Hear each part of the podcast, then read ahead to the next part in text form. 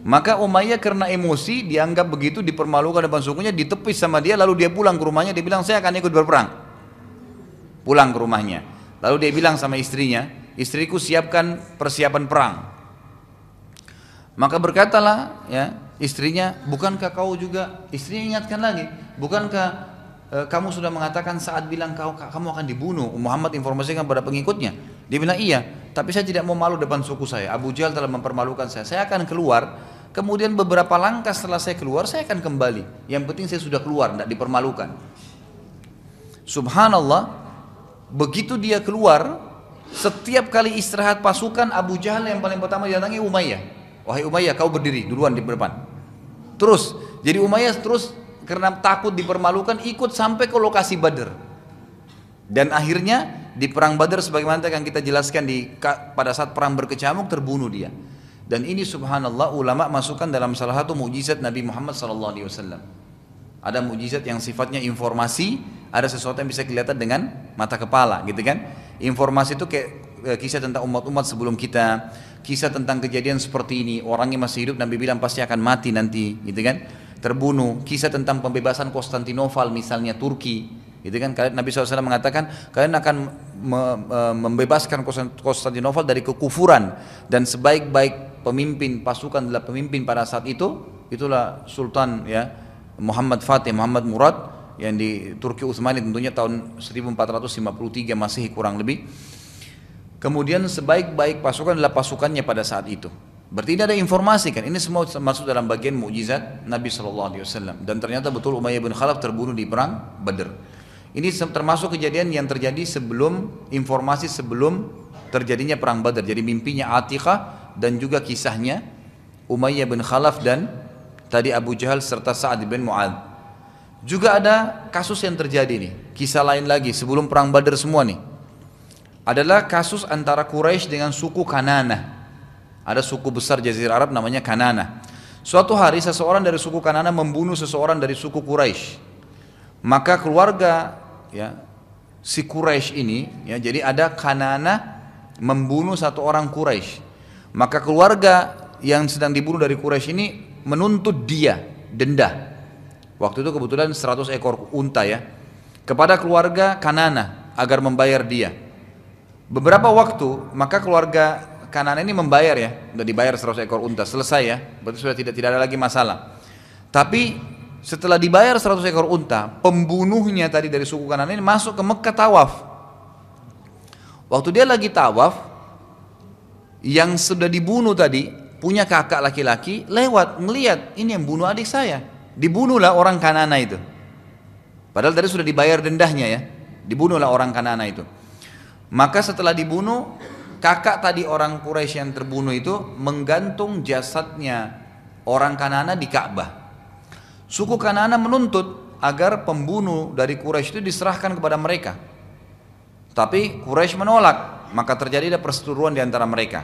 Hal ini menyebabkan Quraisy sempat ragu keluar karena ya untuk menyerang Nabi Shallallahu Alaihi Wasallam karena takutnya nanti kalau mereka keluar malah Kanana menyerang, gitu kan? Tapi di sini syaitan datang dan ini menandakan juga syaitan itu bisa ya seperti ini kejadiannya ya. Tapi ini terjadi di waktu-waktu tertentu dia menjelma menjadi manusia yang datang dalam gambar Suraka bin Malik al-Jush'umi. Suraka bin Malik al-Jush'umi ini ya pernah kita sampaikan kisah dia sepintas waktu mau hijrah ke Madinah. Dialah yang sempat menyerang Nabi Wasallam. Kemudian kudanya sempat tertelan ke tanah sampai tiga kali. Maka syaitan datang menjelma jadi atau dalam gambar poster Suraka bin Malik al-Jush'umi. Jush'umi ini adalah salah satu suku cabang suku terbesarnya Kanana. Jadi dengan adanya Suraka bin Malik al-Jush'umi ini datang syaitan menjelma dari dia gitu kan. Dan ini adalah suku terbesar ya cabang suku terbesar dari Kanana yang memberikan jaminan kepada mereka mengatakan yakinlah Kanana tidak akan nyerang kalian keluar aja saya yang akan menjamin suku Kanana. Padahal sebenarnya Suraka ini nggak pernah menjamin dari setan saja, gitu kan? Maka akhirnya orang-orang Quraisy pun mau ya keluar dan Allah menceritakan tentang penjelmaan Syaitan ini kegambar suraka dalam Al-Quran. Gitu kan?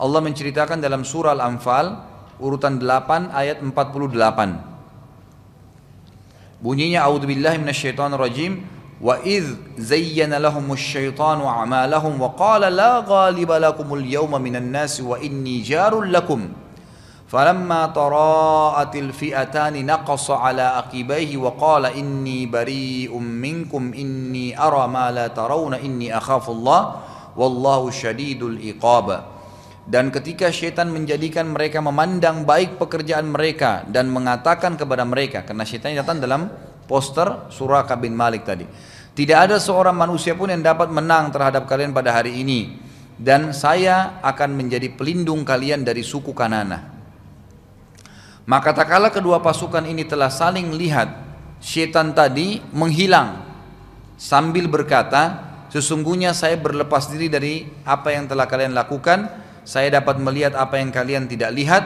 ya. Sesungguhnya saya takut kepada Allah, gitu kan? Dan Allah amat berat siksaannya. Sebelum jauh melanjutkan ya bantiri kita, ayat ini memberikan pelajaran besar dulu Bapak Ibu sekalian, bahwasanya syaitan itu jangan dibesar-besarkan. Banyak orang selalu digambarkan dan ini terutama yang sering nonton film horor nih. Hmm. Harus fahami poin ini. Syaitan itu makhluk Allah yang terhina dan lemah. Mereka tidak bisa buat apa-apa saudaraku. Jadi kalau ada gambaran syaitan itu besar, kuat, bisa membunuh manusia itu semua bohong. Gak benar. Syaitan itu kata Allah inna kaida syaitani kana dha'ifa. Syaitan dan tipu dayanya sangat lemah. Dia cuma datang membisik saja kita kalau bilang a'udzubillahi minasyaitonirrajim sudah hilang dia. Udah nggak bisa apa-apa. Sebagian ulama menafsirkan makna a'udzubillahi minasyaitonirrajim saya menjauhkan diri ya dengan izin Allah dari syaitan yang terkutuk maka Allah akan utus para malaikat yang menghukum atau mencambuki atau mengejar syaitan-syaitan yang tadi mengganggu kita dengan caranya Allah. Allah punya pasukan, gitu kan? Jadi mereka ketakutan dengan istiadah tuh, dengan istiadah. Dan syaitan ini biasanya cuma membuatkan sebuah program yang mengacaukan kita. Menjerumuskan kita pada maksiat, orang berzina kah, orang membunuh kah, orang berbohong kah. Setelah itu dia berlepas tangan. Yang penting sudah terjerumus dulu baru dibiarin sama dia. Pada saat kita mau berzina dibesar-besarin masalah nggak apa-apa, nggak ada yang lihat, nggak ada yang gini, nggak ada yang gitu. Syaitan cuma bisik-bisikin, di sini aja akhirnya orang berzina di bawah pohon, di pinggir jalan. Setelah itu syaitan tinggalin, ternyata dikerumuni oleh masa. Jadi dia cuma rekayasa begitu, curi ini, bohong, dianggap dibuat, direkayasa supaya bagus. Padahal sebenarnya itu tidak benar semua. Pasti akan kebongkar tuh. Makanya di sini Allah bongkar kedoknya. Dia sudah mengatakan, tidak apa-apa, saya akan jadi pelindung kalian. Perang aja, kalian akan menang. Pasukan kalian kuat, motivasi semua gitu kan. Ternyata setelah pasukan bertemu, syaitan lihat pasukan muslimin ketakutan tuh. Syaitannya sendiri meninggalkan medan perang, takut. Karena syaitan itu bisa terbunuh dengan apa pun. Bisa terbunuh dengan apa pun. Baik itu hanya dengan tiupan kita, baik itu hanya dengan niat kita untuk membunuh dia. Misal, ada orang kalau lagi kerasukan syaitan, kemudian dirukia misalnya, dibacain ayat. Bisa Bapak Ibu bilang begini, misal di alam jin ini begitu dia lihatnya. Bacain ayat kursi, tiupin telapak tangan lalu bilang, ingat ya, ini saya jadikan pedang yang tajam yang akan memotong leher kamu. Tiup telapak tangan kita, itu di matanya setan itu, itu sudah jadi pedang. Karena pengalaman pernah saya merukia orang begitu, kemudian ditekan di lehernya, ada keluarga saya sendiri, kayak cuman digiris-giris itu teriak-teriak setannya kesakitan, lehernya terbelah gitu. Dengan hikmah Allah Subhanahu wa taala. Kita nggak tahu ya, ini rahasia Allah. Tapi ini keajaiban yang luar biasa terjadi memang. Nah, keajaiban kita nggak bisa tak, e, menjangkau itu gitu, tapi itulah yang terjadi. Jadi setan itu sangat lemah. Jangan dibayangkan dia besar, kuat, menakut-nakuti karena senjata dia makin kita takut dia makin jadi. Tapi makin kita berani, maka dia makin mengecil, gitu kan? Makin dia mengecil gitu. Nabi SAW saat pasukan Quraisy keluar dengan kekuatan seribu orang, kita tinggalkan ayat tadi, kita masuk lanjutkan bahasan kita.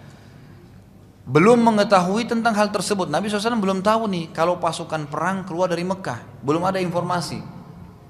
Seribu orang lagi, Sementara Nabi SAW tadi mengeluar dengan 313 orang, dengan beliau 314, itu bukan pasukan perang, cuman ingin menyerang kafilah. Jadi tidak ada persiapan perang. Persiapan perang beda ya. Pakai baju besi, punya senjata-senjata yang lebih si mapan, persiapan makanan, minuman itu semua dipersiapkan. Maka Nabi SAW waktu itu tidak ada niatnya untuk berperang dan waktu itu dari 314 pasukan Nabi SAW terdapat 70 ekor hewan tunggangan, dua ekor kuda dan 68 ekor unta. Setiap sahabat saling berganti menunggangi unta mereka dan sama dan sama sekali tidak memiliki hewan yang yang sama sekali tidak memiliki hewan mereka ber, e, bertukar dengan temannya yang punya hewan. Dan sepanjang jalan ya ada juga yang berjalan kaki karena tidak punya hewan. Sementara Quraisy memiliki seribu orang pasukan siap perang dan mereka memiliki 200 ekor kuda perang serta 800 ekor unta. Jadi seribu orang itu semuanya dengan tunggangan hewan. Quraisy juga membawa wanita-wanita yang tujuannya untuk memotivasi para pasukan ya, perang. Biasanya wanita ini menyebutkan syair-syair atau malah menari-nari di depan mereka. Pada saat pasukan sudah saling dekat, maka turunlah wahyu dari Allah Subhanahu wa taala yang menginformasikan kepada Nabi sallallahu alaihi wasallam. Jadi, dari awal pasukan Quraisy keluar ini, Nabi SAW di situ saja belum melihat kafilah, belum tahu informasi tentang adanya pasukan Quraisy dari Mekah. Memang Allah biarin informasinya sampai pasukan Quraisy sudah dekat di Badar, baru ada informasi datang kepada Nabi SAW bahwasanya ada pasukan Quraisy ya keluar dan kafilah yang sedang dikejar oleh Nabi SAW sudah lolos. Abu Sufyan sudah lolos nih.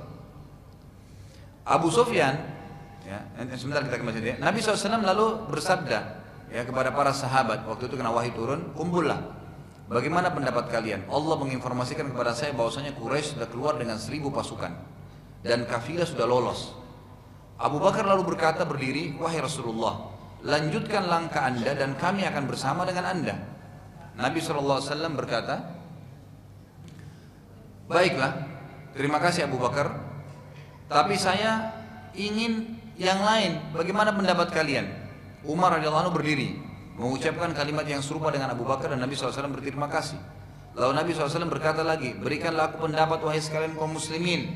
Lalu Umar bin Khattab berdiri dan mengucapkan seperti yang diucapkan lagi dua kali Umar berdiri. Lalu Nabi SAW mengatakan baiklah Umar.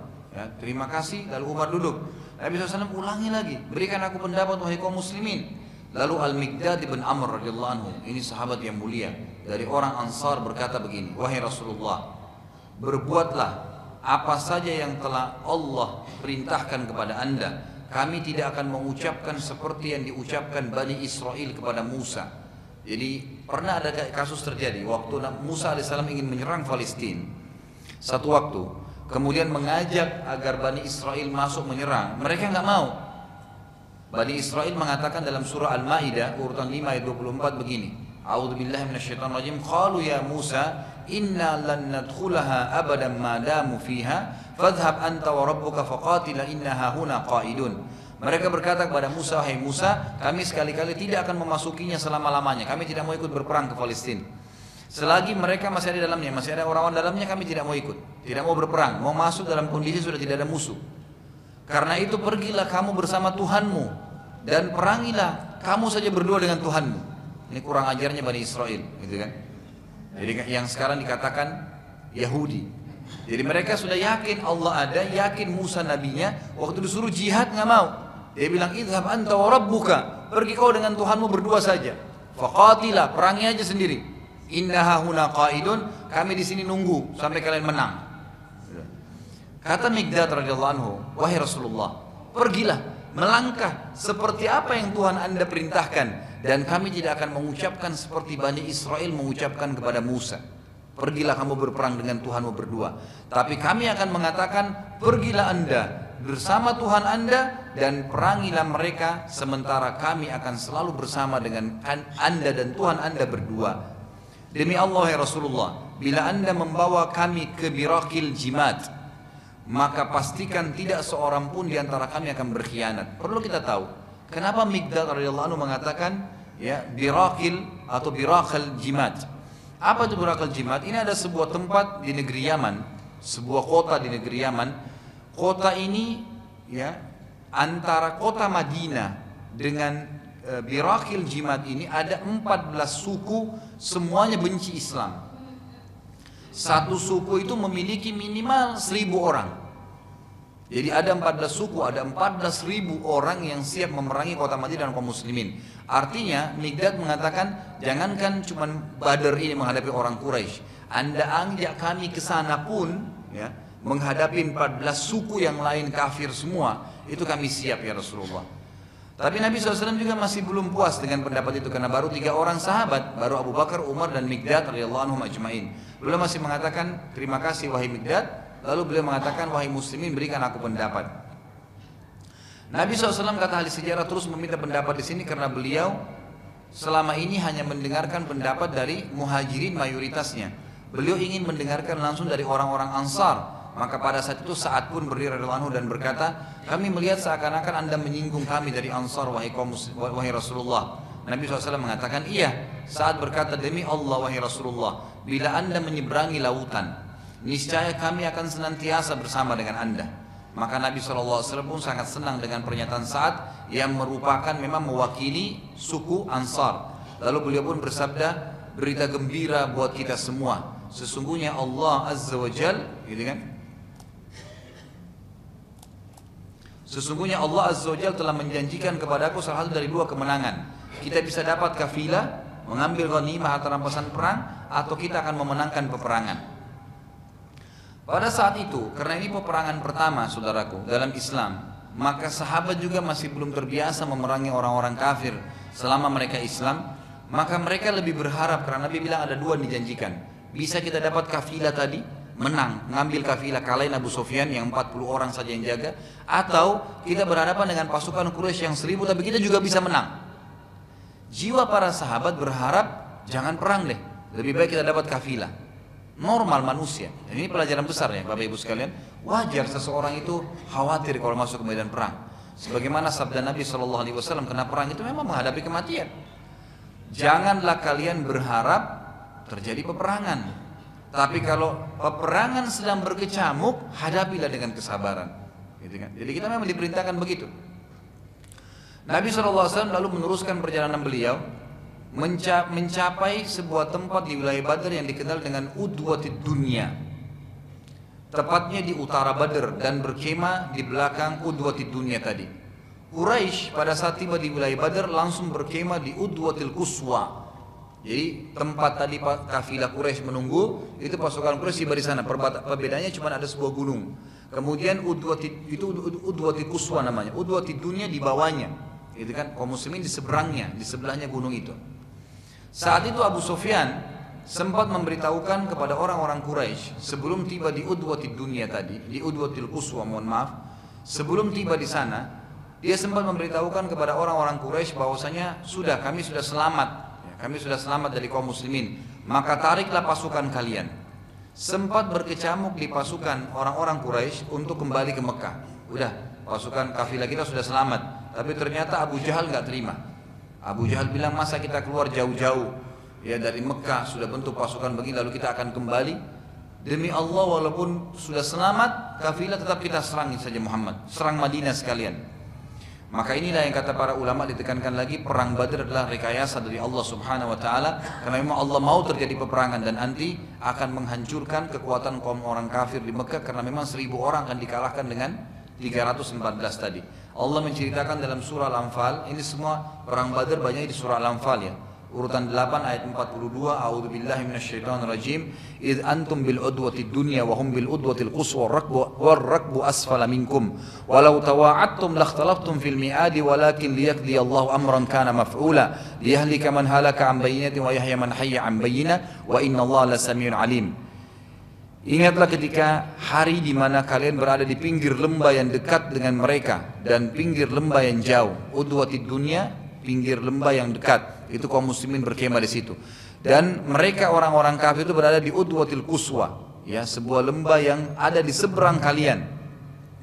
Sekiranya kalian memang saling janji untuk berperang, maka pastilah tidak akan terjadi peperangan tersebut, kata Allah. Tetapi Allah ingin mempertemukan secara sengaja dua pasukan itu agar dia, Allah, melakukan suatu urusan yang mesti dilaksanakan. Maksudnya adalah kemenangan kaum muslimin dan penghinaan terhadap orang-orang kafir yang selama ini menyiksa kaum muslimin di Mekah gitu. Lalu dikatakan oleh Allah Subhanahu wa taala ya, dan sesungguhnya Allah maha mendengar lagi maha mengetahui. Perang Badar telah diatur oleh Allah Azza wa. Nabi SAW mengutus lalu mata-mata untuk mengumpulkan informasi. Saat itu terjadi dua anak muda. Terdapat dua anak muda dari pasukan Quraisy yang sedang mencari air dan lewat di udwati dunia. Ada dua orang anak muda Quraisy yang ikut di pasukan Quraisy lagi muter bukit di sebelahnya pasukan Quraisy sebelahnya muslimin. Tapi mereka tidak saling tahu nih kalau sudah saling bersebelahan. Gitu kan? Ada dua anak muda dari orang Quraisy mutar bukit sampai tiba di pasukan muslimin. Dia tidak sadar kalau itu pasukan muslimin untuk mengambil air. Kebetulan di tempat kaum muslimin ini penuh dengan ada sumur-sumur, ada beberapa sumur di situ. Lalu ditangkaplah ya dua orang anak muda itu oleh pasukan Nabi Shallallahu Alaihi Wasallam. Saat itu Nabi SAW sedang sholat dan para sahabat terus menanyai kepada anak muda yang ditawan tadi, kalian dari mana? Mereka menjawab, kami dari pasukan Quraisy di Mekah. Ya. Ngaku karena digebukin, gitu kan? Para sahabat terus saja memukuli mereka sambil berkata, kalian pasti dari kafilah Abu Sufyan. Gitu kan? Karena kesakitan, maka kedua anak muda itu pun akhirnya mengatakan, iya deh kami dari kafilah Abu Sufyan. Gitu kan? Tadinya mereka dari pasukan. Kata ahli sejarah, ini semua disebabkan karena sahabat berharap tetap bertemu dengan kafilah Abu Sufyan. Gak ketemu dengan pasukan. Karena kafilah Abu Sufyan cuma 40 yang jaga, ini 1000 orang. Gitu kan? Secara jiwa manusia berharap ini aja deh gitu. Jadi waktu ditangkap dua orang mata-mata uh, pasukan Quraisy tadi, di, mereka digebukin. Kamu dari mana? Dia bilang dari pasukan Quraisy. Enggak mungkin. Kamu dari kafilah Abu Sufyan ya? Gitu. Ditekan supaya ngaku dari kafilah Abu Sufyan. Akhirnya karena kesakitan mereka ngaku, ya kami memang dari kafilah Abu Sufyan. Padahal sebenarnya dari pasukan gitu kan. Saat Nabi SAW selesai sholat, beliau bersabda, jadi beliau dapat wahyu, Subhanallah, saat mereka jujur pada kalian, kalian memukuli mereka. Gitu kan. Dan pada saat mereka berbohong malah kalian melepaskan. Jadi begitu mereka bilang kami dari kafilah Abu Sufyan, udah pergi aja, suruh pergi. Abu Sufyan akhirnya berhasil menyelamatkan kafilah dan posisinya sudah berada jauh di belakang pasukan Quraisy. Abu Sufyan pun sudah mengetahui, sudah mengetahui pasukan, posisi pasukan Quraisy, maka ia mengirim surat kepada pasukan bahwasanya kami telah selamat dan masalah sudah selesai. Suku Zum'ah, Zumrah, maaf, suku Zumrah saat mengetahui surat Abu Sufyan mengatakan kita keluar untuk menyelamatkan kafilah dan sekarang telah selamat maka tidak perlu peperangan dan akhirnya mereka semuanya kembali dan tidak seorang pun yang ikut berperang suku Zumrah utuh suku Hashim juga berpendapat yang sama bahkan mereka berpikir bila sekarang setelah kafilah selamat mereka masih berperang berarti mereka memerangi Nabi SAW yang merupakan suku mereka sendiri Bani Hashim sama Bani Hashim maka sebagian besar mereka kembali ke Mekah kecuali Abbas bin Abdul Muttalib, paman Nabi SAW, dengan tujuan agar Quraisy tidak menganggap dia berkhianat dan minimal ada wakil dari sukunya. Pembicaraan tentang baliknya ke Mekah mulai ramai di antara pasukan Quraisy. Utbah bin Rabi'ah salah satu pemimpin dari pasukan Quraisy didatangi oleh Hakim bin Huzam. Dua-duanya pemimpin pasukan Quraisy ya. Lalu Utbah, eh, Hakim berkata, Wahai Utbah, untuk apa lagi kita berperang? Bukankah kafilah telah selamat? Demi Allah, bila kita memerangi mereka berarti kita memerangi sanat kerabat kita sendiri. Orang-orang muhajirin itu kerabat kita juga. Dan saat kita balik ke Mekah, maka pasti setiap individu di antara kita akan membenci satu sama yang lain. Karena ia melihat kerabatnya yang telah membunuh ayahnya atau sanak kerabatnya. Jadi kalau kita tetap berperang oleh muslimin dan ada yang kita bunuh dari orang-orang Mekah juga di sana, dan ternyata masih ada kerabatnya di Mekah nanti, kita akan saling benci di Mekah. Lalu akhirnya Utbah lalu mengiklankan, baiklah kalau gitu, wahai sekalian manusia, tujuan kita keluar menyelamatkan kafilah dan kafilah telah selamat. Maka peperangan tidak perlu lagi. Ayo kita kembali ke Mekah. Mendengar pernyataan Utbah, maka seluruh pasukan mulai siap-siap balik. Abu Jahal, ya mungkin kita tutup dengan ini ya, tidak bisa kita jelaskan semua peperangan. Insya Allah pertemuan akan datang. Abu Jahal Fir'aunnya umat ini telah menginginkan peperangan, tetap mau peperangan terjadi. Dan saat ya, saat itu kebetulan kota Mekah masih belum jelas siapa rajanya, belum ada raja. Semua kepala suku itu pasti punya kedudukan sendiri. Sama dengan yang lain. Jadi mereka bisa ada 12 suku Quraisy itu semuanya sering duduk di majelis, semuanya dianggap pimpinan sukunya masing-masing, belum ada raja. Abu Jahal ingin menunggangi kejadian Badr ini supaya dia dinobatkan jadi raja. Caranya bagaimana? Abu Jahal tetap ingin peperangan terjadi dan nanti kalau pada saat menang ini kesempatan nih karena dia yang memotivasi pasukan. Abu Jahal pun akhirnya menggunakan kesempatan tersebut. Dia mendatangi seseorang yang bernama Amir Al-Hadrami. Amir Al-Hadrami ini salah satu orang yang anaknya sempat terbunuh ya sebelum perang Badar ada pertemuan kita yang terakhir yang lalu sempat kita jelaskan ada sebuah sariyah. Sariyah ini pasukan kecil yang Nabi utus yang dipimpin oleh Abdullah bin Jahash di bulan Dzulqa'dah. Yang kebetulan anaknya dia Amir bin Hadrami dibunuh oleh Abdullah bin Jahash. Abu Jahal lalu berkata kepadanya, orang-orang sudah balik ke Mekah, wahai Amir, dan tidak mau membantu membalas kematian anakmu. Amir al-Hadrami lalu menuju ke tengah-tengah pasukan lalu ia duduk di atas tanah sambil menangis dan meletakkan tanah di atas kepalanya sambil berkata, sungguh kasihan aku, sungguh kasihan aku. Kalian tiga meninggalkan membalas kematian anakku demi Allah. Kalau anak salah seorang di antara kalian mati, maka pasti ia tidak akan membiarkannya. Terus saja Amir menangis dan teriak-teriak di tengah pasukan sampai akhirnya seluruh pasukan kembali dan siap untuk memerangi kaum muslimin. Di sini kita lihat pelajaran ya bagaimana Abu Jahal ya juga mengatur strategi dalam perang. Jadi perang itu harus hati-hati sekali orang dalam perang itu. Apa saja bisa memicu emosi, apa saja bisa memicu ketakutan, bisa mem, bisa bisa juga mem, sebaliknya memberikan semangat yang besar. Nabi SAW sempat keluar bersama Abu Bakar untuk mengumpulkan informasi pada saat itu di sekitar perang Badar. Saat tiba di dekat Badar, Nabi SAW dan Abu Bakar menemui seorang yang sudah sangat tua. Dan Nabi SAW bertanya padanya, apakah engkau memiliki sesuatu tentang apa yang ada di lokasi ini?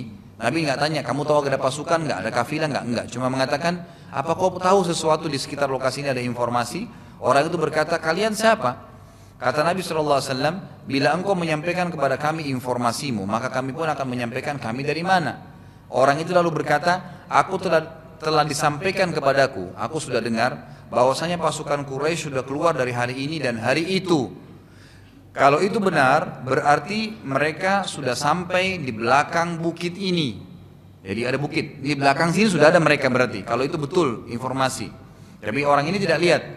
Dan telah disampaikan kepadaku juga bahwasanya Muhammad telah keluar pada hari ini dan hari itu dari kota Madinah. Dan kalau itu benar, berarti mereka dan Muhammad dan pasukannya berada di sini. Ditunjuk lokasi Nabi SAW. Ya. Kan? Tapi orang ini karena tua dan agak rabu, dia tidak lihat pasukan muslimin. Dia cuma bilang, kalau ini benar berarti Quraisy ada di sini, eh, Muhammad ada di sini. Nabi SAW bertanya lagi, bagaimana dengan kafilah Abu Sufyan? Orang itu menjawab, aku tidak tahu. Ini termasuk kata sebagian dari sejarah kecerdasan Abu Sufyan, bagaimana dia bisa ya menyelamatkan kafilah dari pasukan tadi. Orang itu bertanya lagi, kalian dari mana? Nabi SAW mengatakan, kami dari air. Kami dari air. Ini jawaban politis ya, gitu. dalam medan perang gitu. Nah, orang Arab dulu biasanya kalau mereka ditanya kamu dari kota mana, ya, itu tidak apa, apa mereka tidak biasa menyebutkan kalian atau ka, eh, kamu dari kota mana atau kamu dari negeri mana tidak pernah disebutkan. Tapi kamu biasanya kalau Jazirah bilang kamu dari mata air mana. Ya, kamu dari mata air mana? Jadi mata air yang terkenal tuh.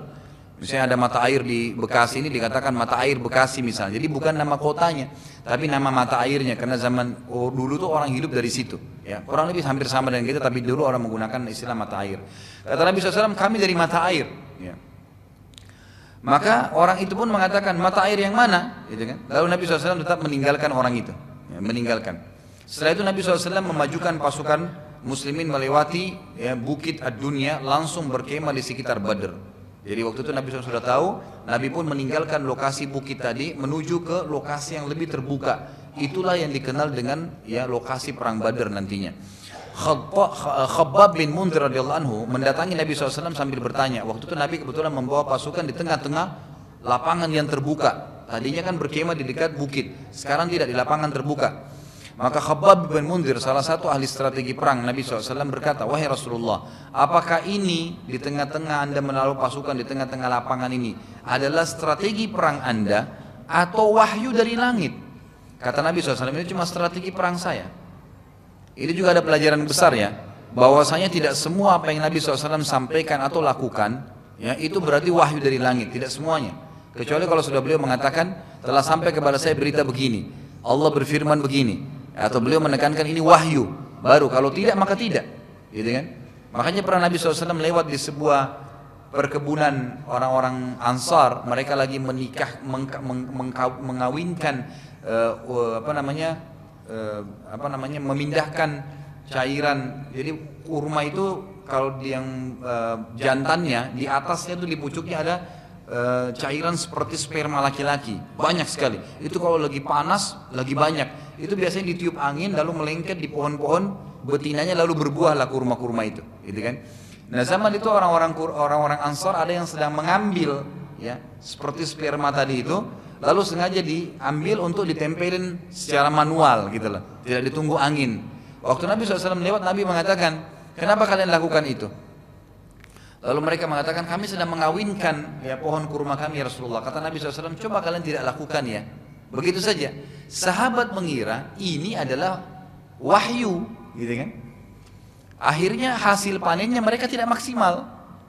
Mereka datang kepada Nabi SAW, ya Rasulullah waktu anda lewat kebun kami, kan anda mengatakan jangan kerjakan itu.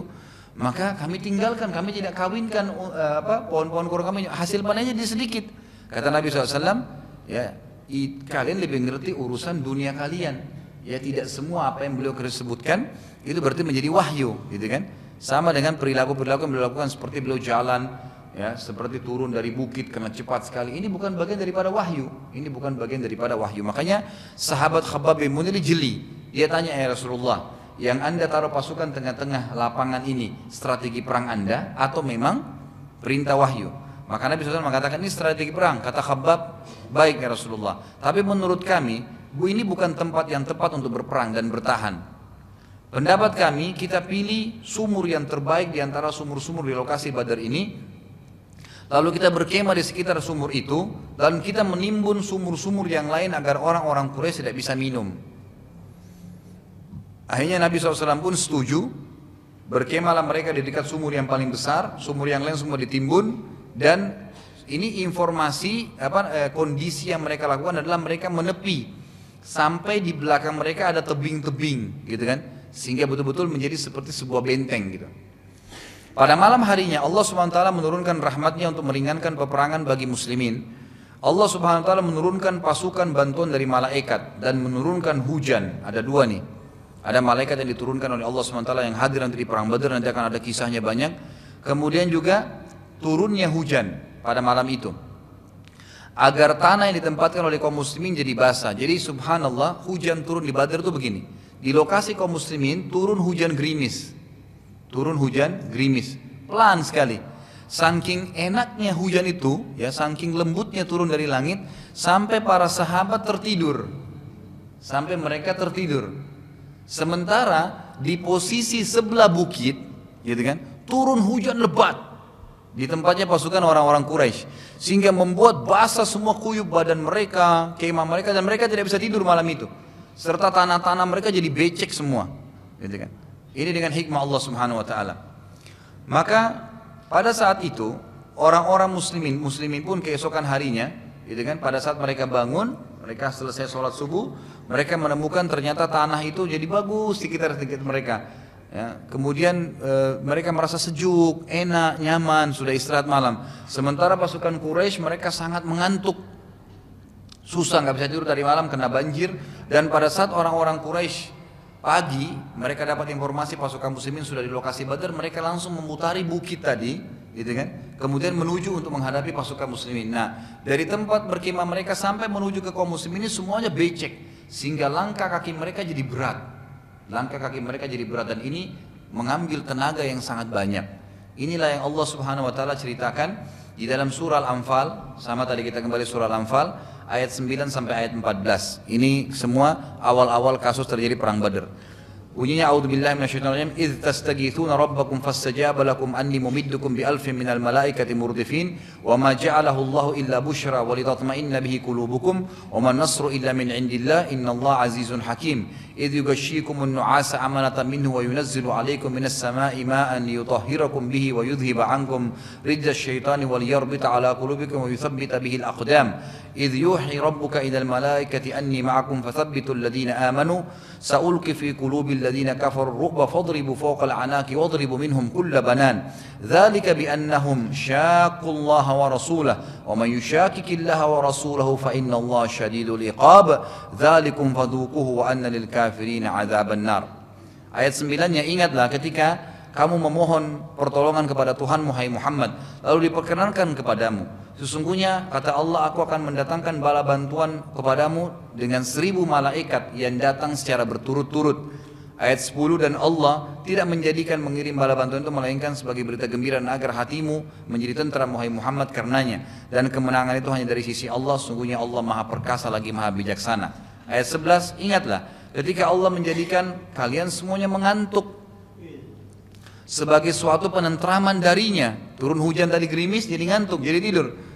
Dan Allah menurunkan kepadamu juga hujan dari langit untuk mensucikan kamu dengan hujan itu dan menghilangkan dari kalian gangguan-gangguan syaitan dan untuk menguatkan hati kalian dan memperteguhkan dengan telapak kaki atau memperteguhkan telapak-telapak kaki-kaki kaki kalian karena tanah itu di padang pasir kalau lagi kering berat untuk dilewatin.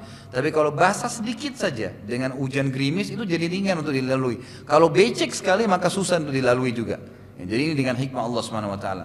Ayat 12 ingatlah ketika Tuhan mewahyukan kepada para malaikat sungguhnya aku akan bersama dengan kalian maka teguhkanlah pendirian orang-orang yang beriman. Kelak aku akan jatuhkan rasa ketakutan ke dalam hati orang-orang kafir maka penggallah kepala mereka dan potonglah tiap-tiap ujung jari mereka. Di sini kata para ulama yang diperintahkan untuk memenggal leher orang-orang kafir dan memotong jari-jari mereka adalah para malaikat. Makanya nanti setelah perang Badar kata Nabi SAW, kalau kalian ingin mengetahui perbedaan mana korban kalian dan mana korbannya malaikat, maka lihatlah leher-leher musuh kalian dan jari-jari mereka. Jadi ternyata yang dipenggal oleh para malaikat itu di bagian leher mereka ada bekas tanda terbakar, gitu kan, dan terpotong, eh, lehernya terpotong dan telapak jari-jarinya semua terpotong. Ini memang cirinya. Ini yang seperti Allah katakan dalam surah Al-Anfal ayat 12. Lalu ayat 13 Ketentuan demikian itu adalah karena sungguhnya mereka menentang Allah dan Rasulnya.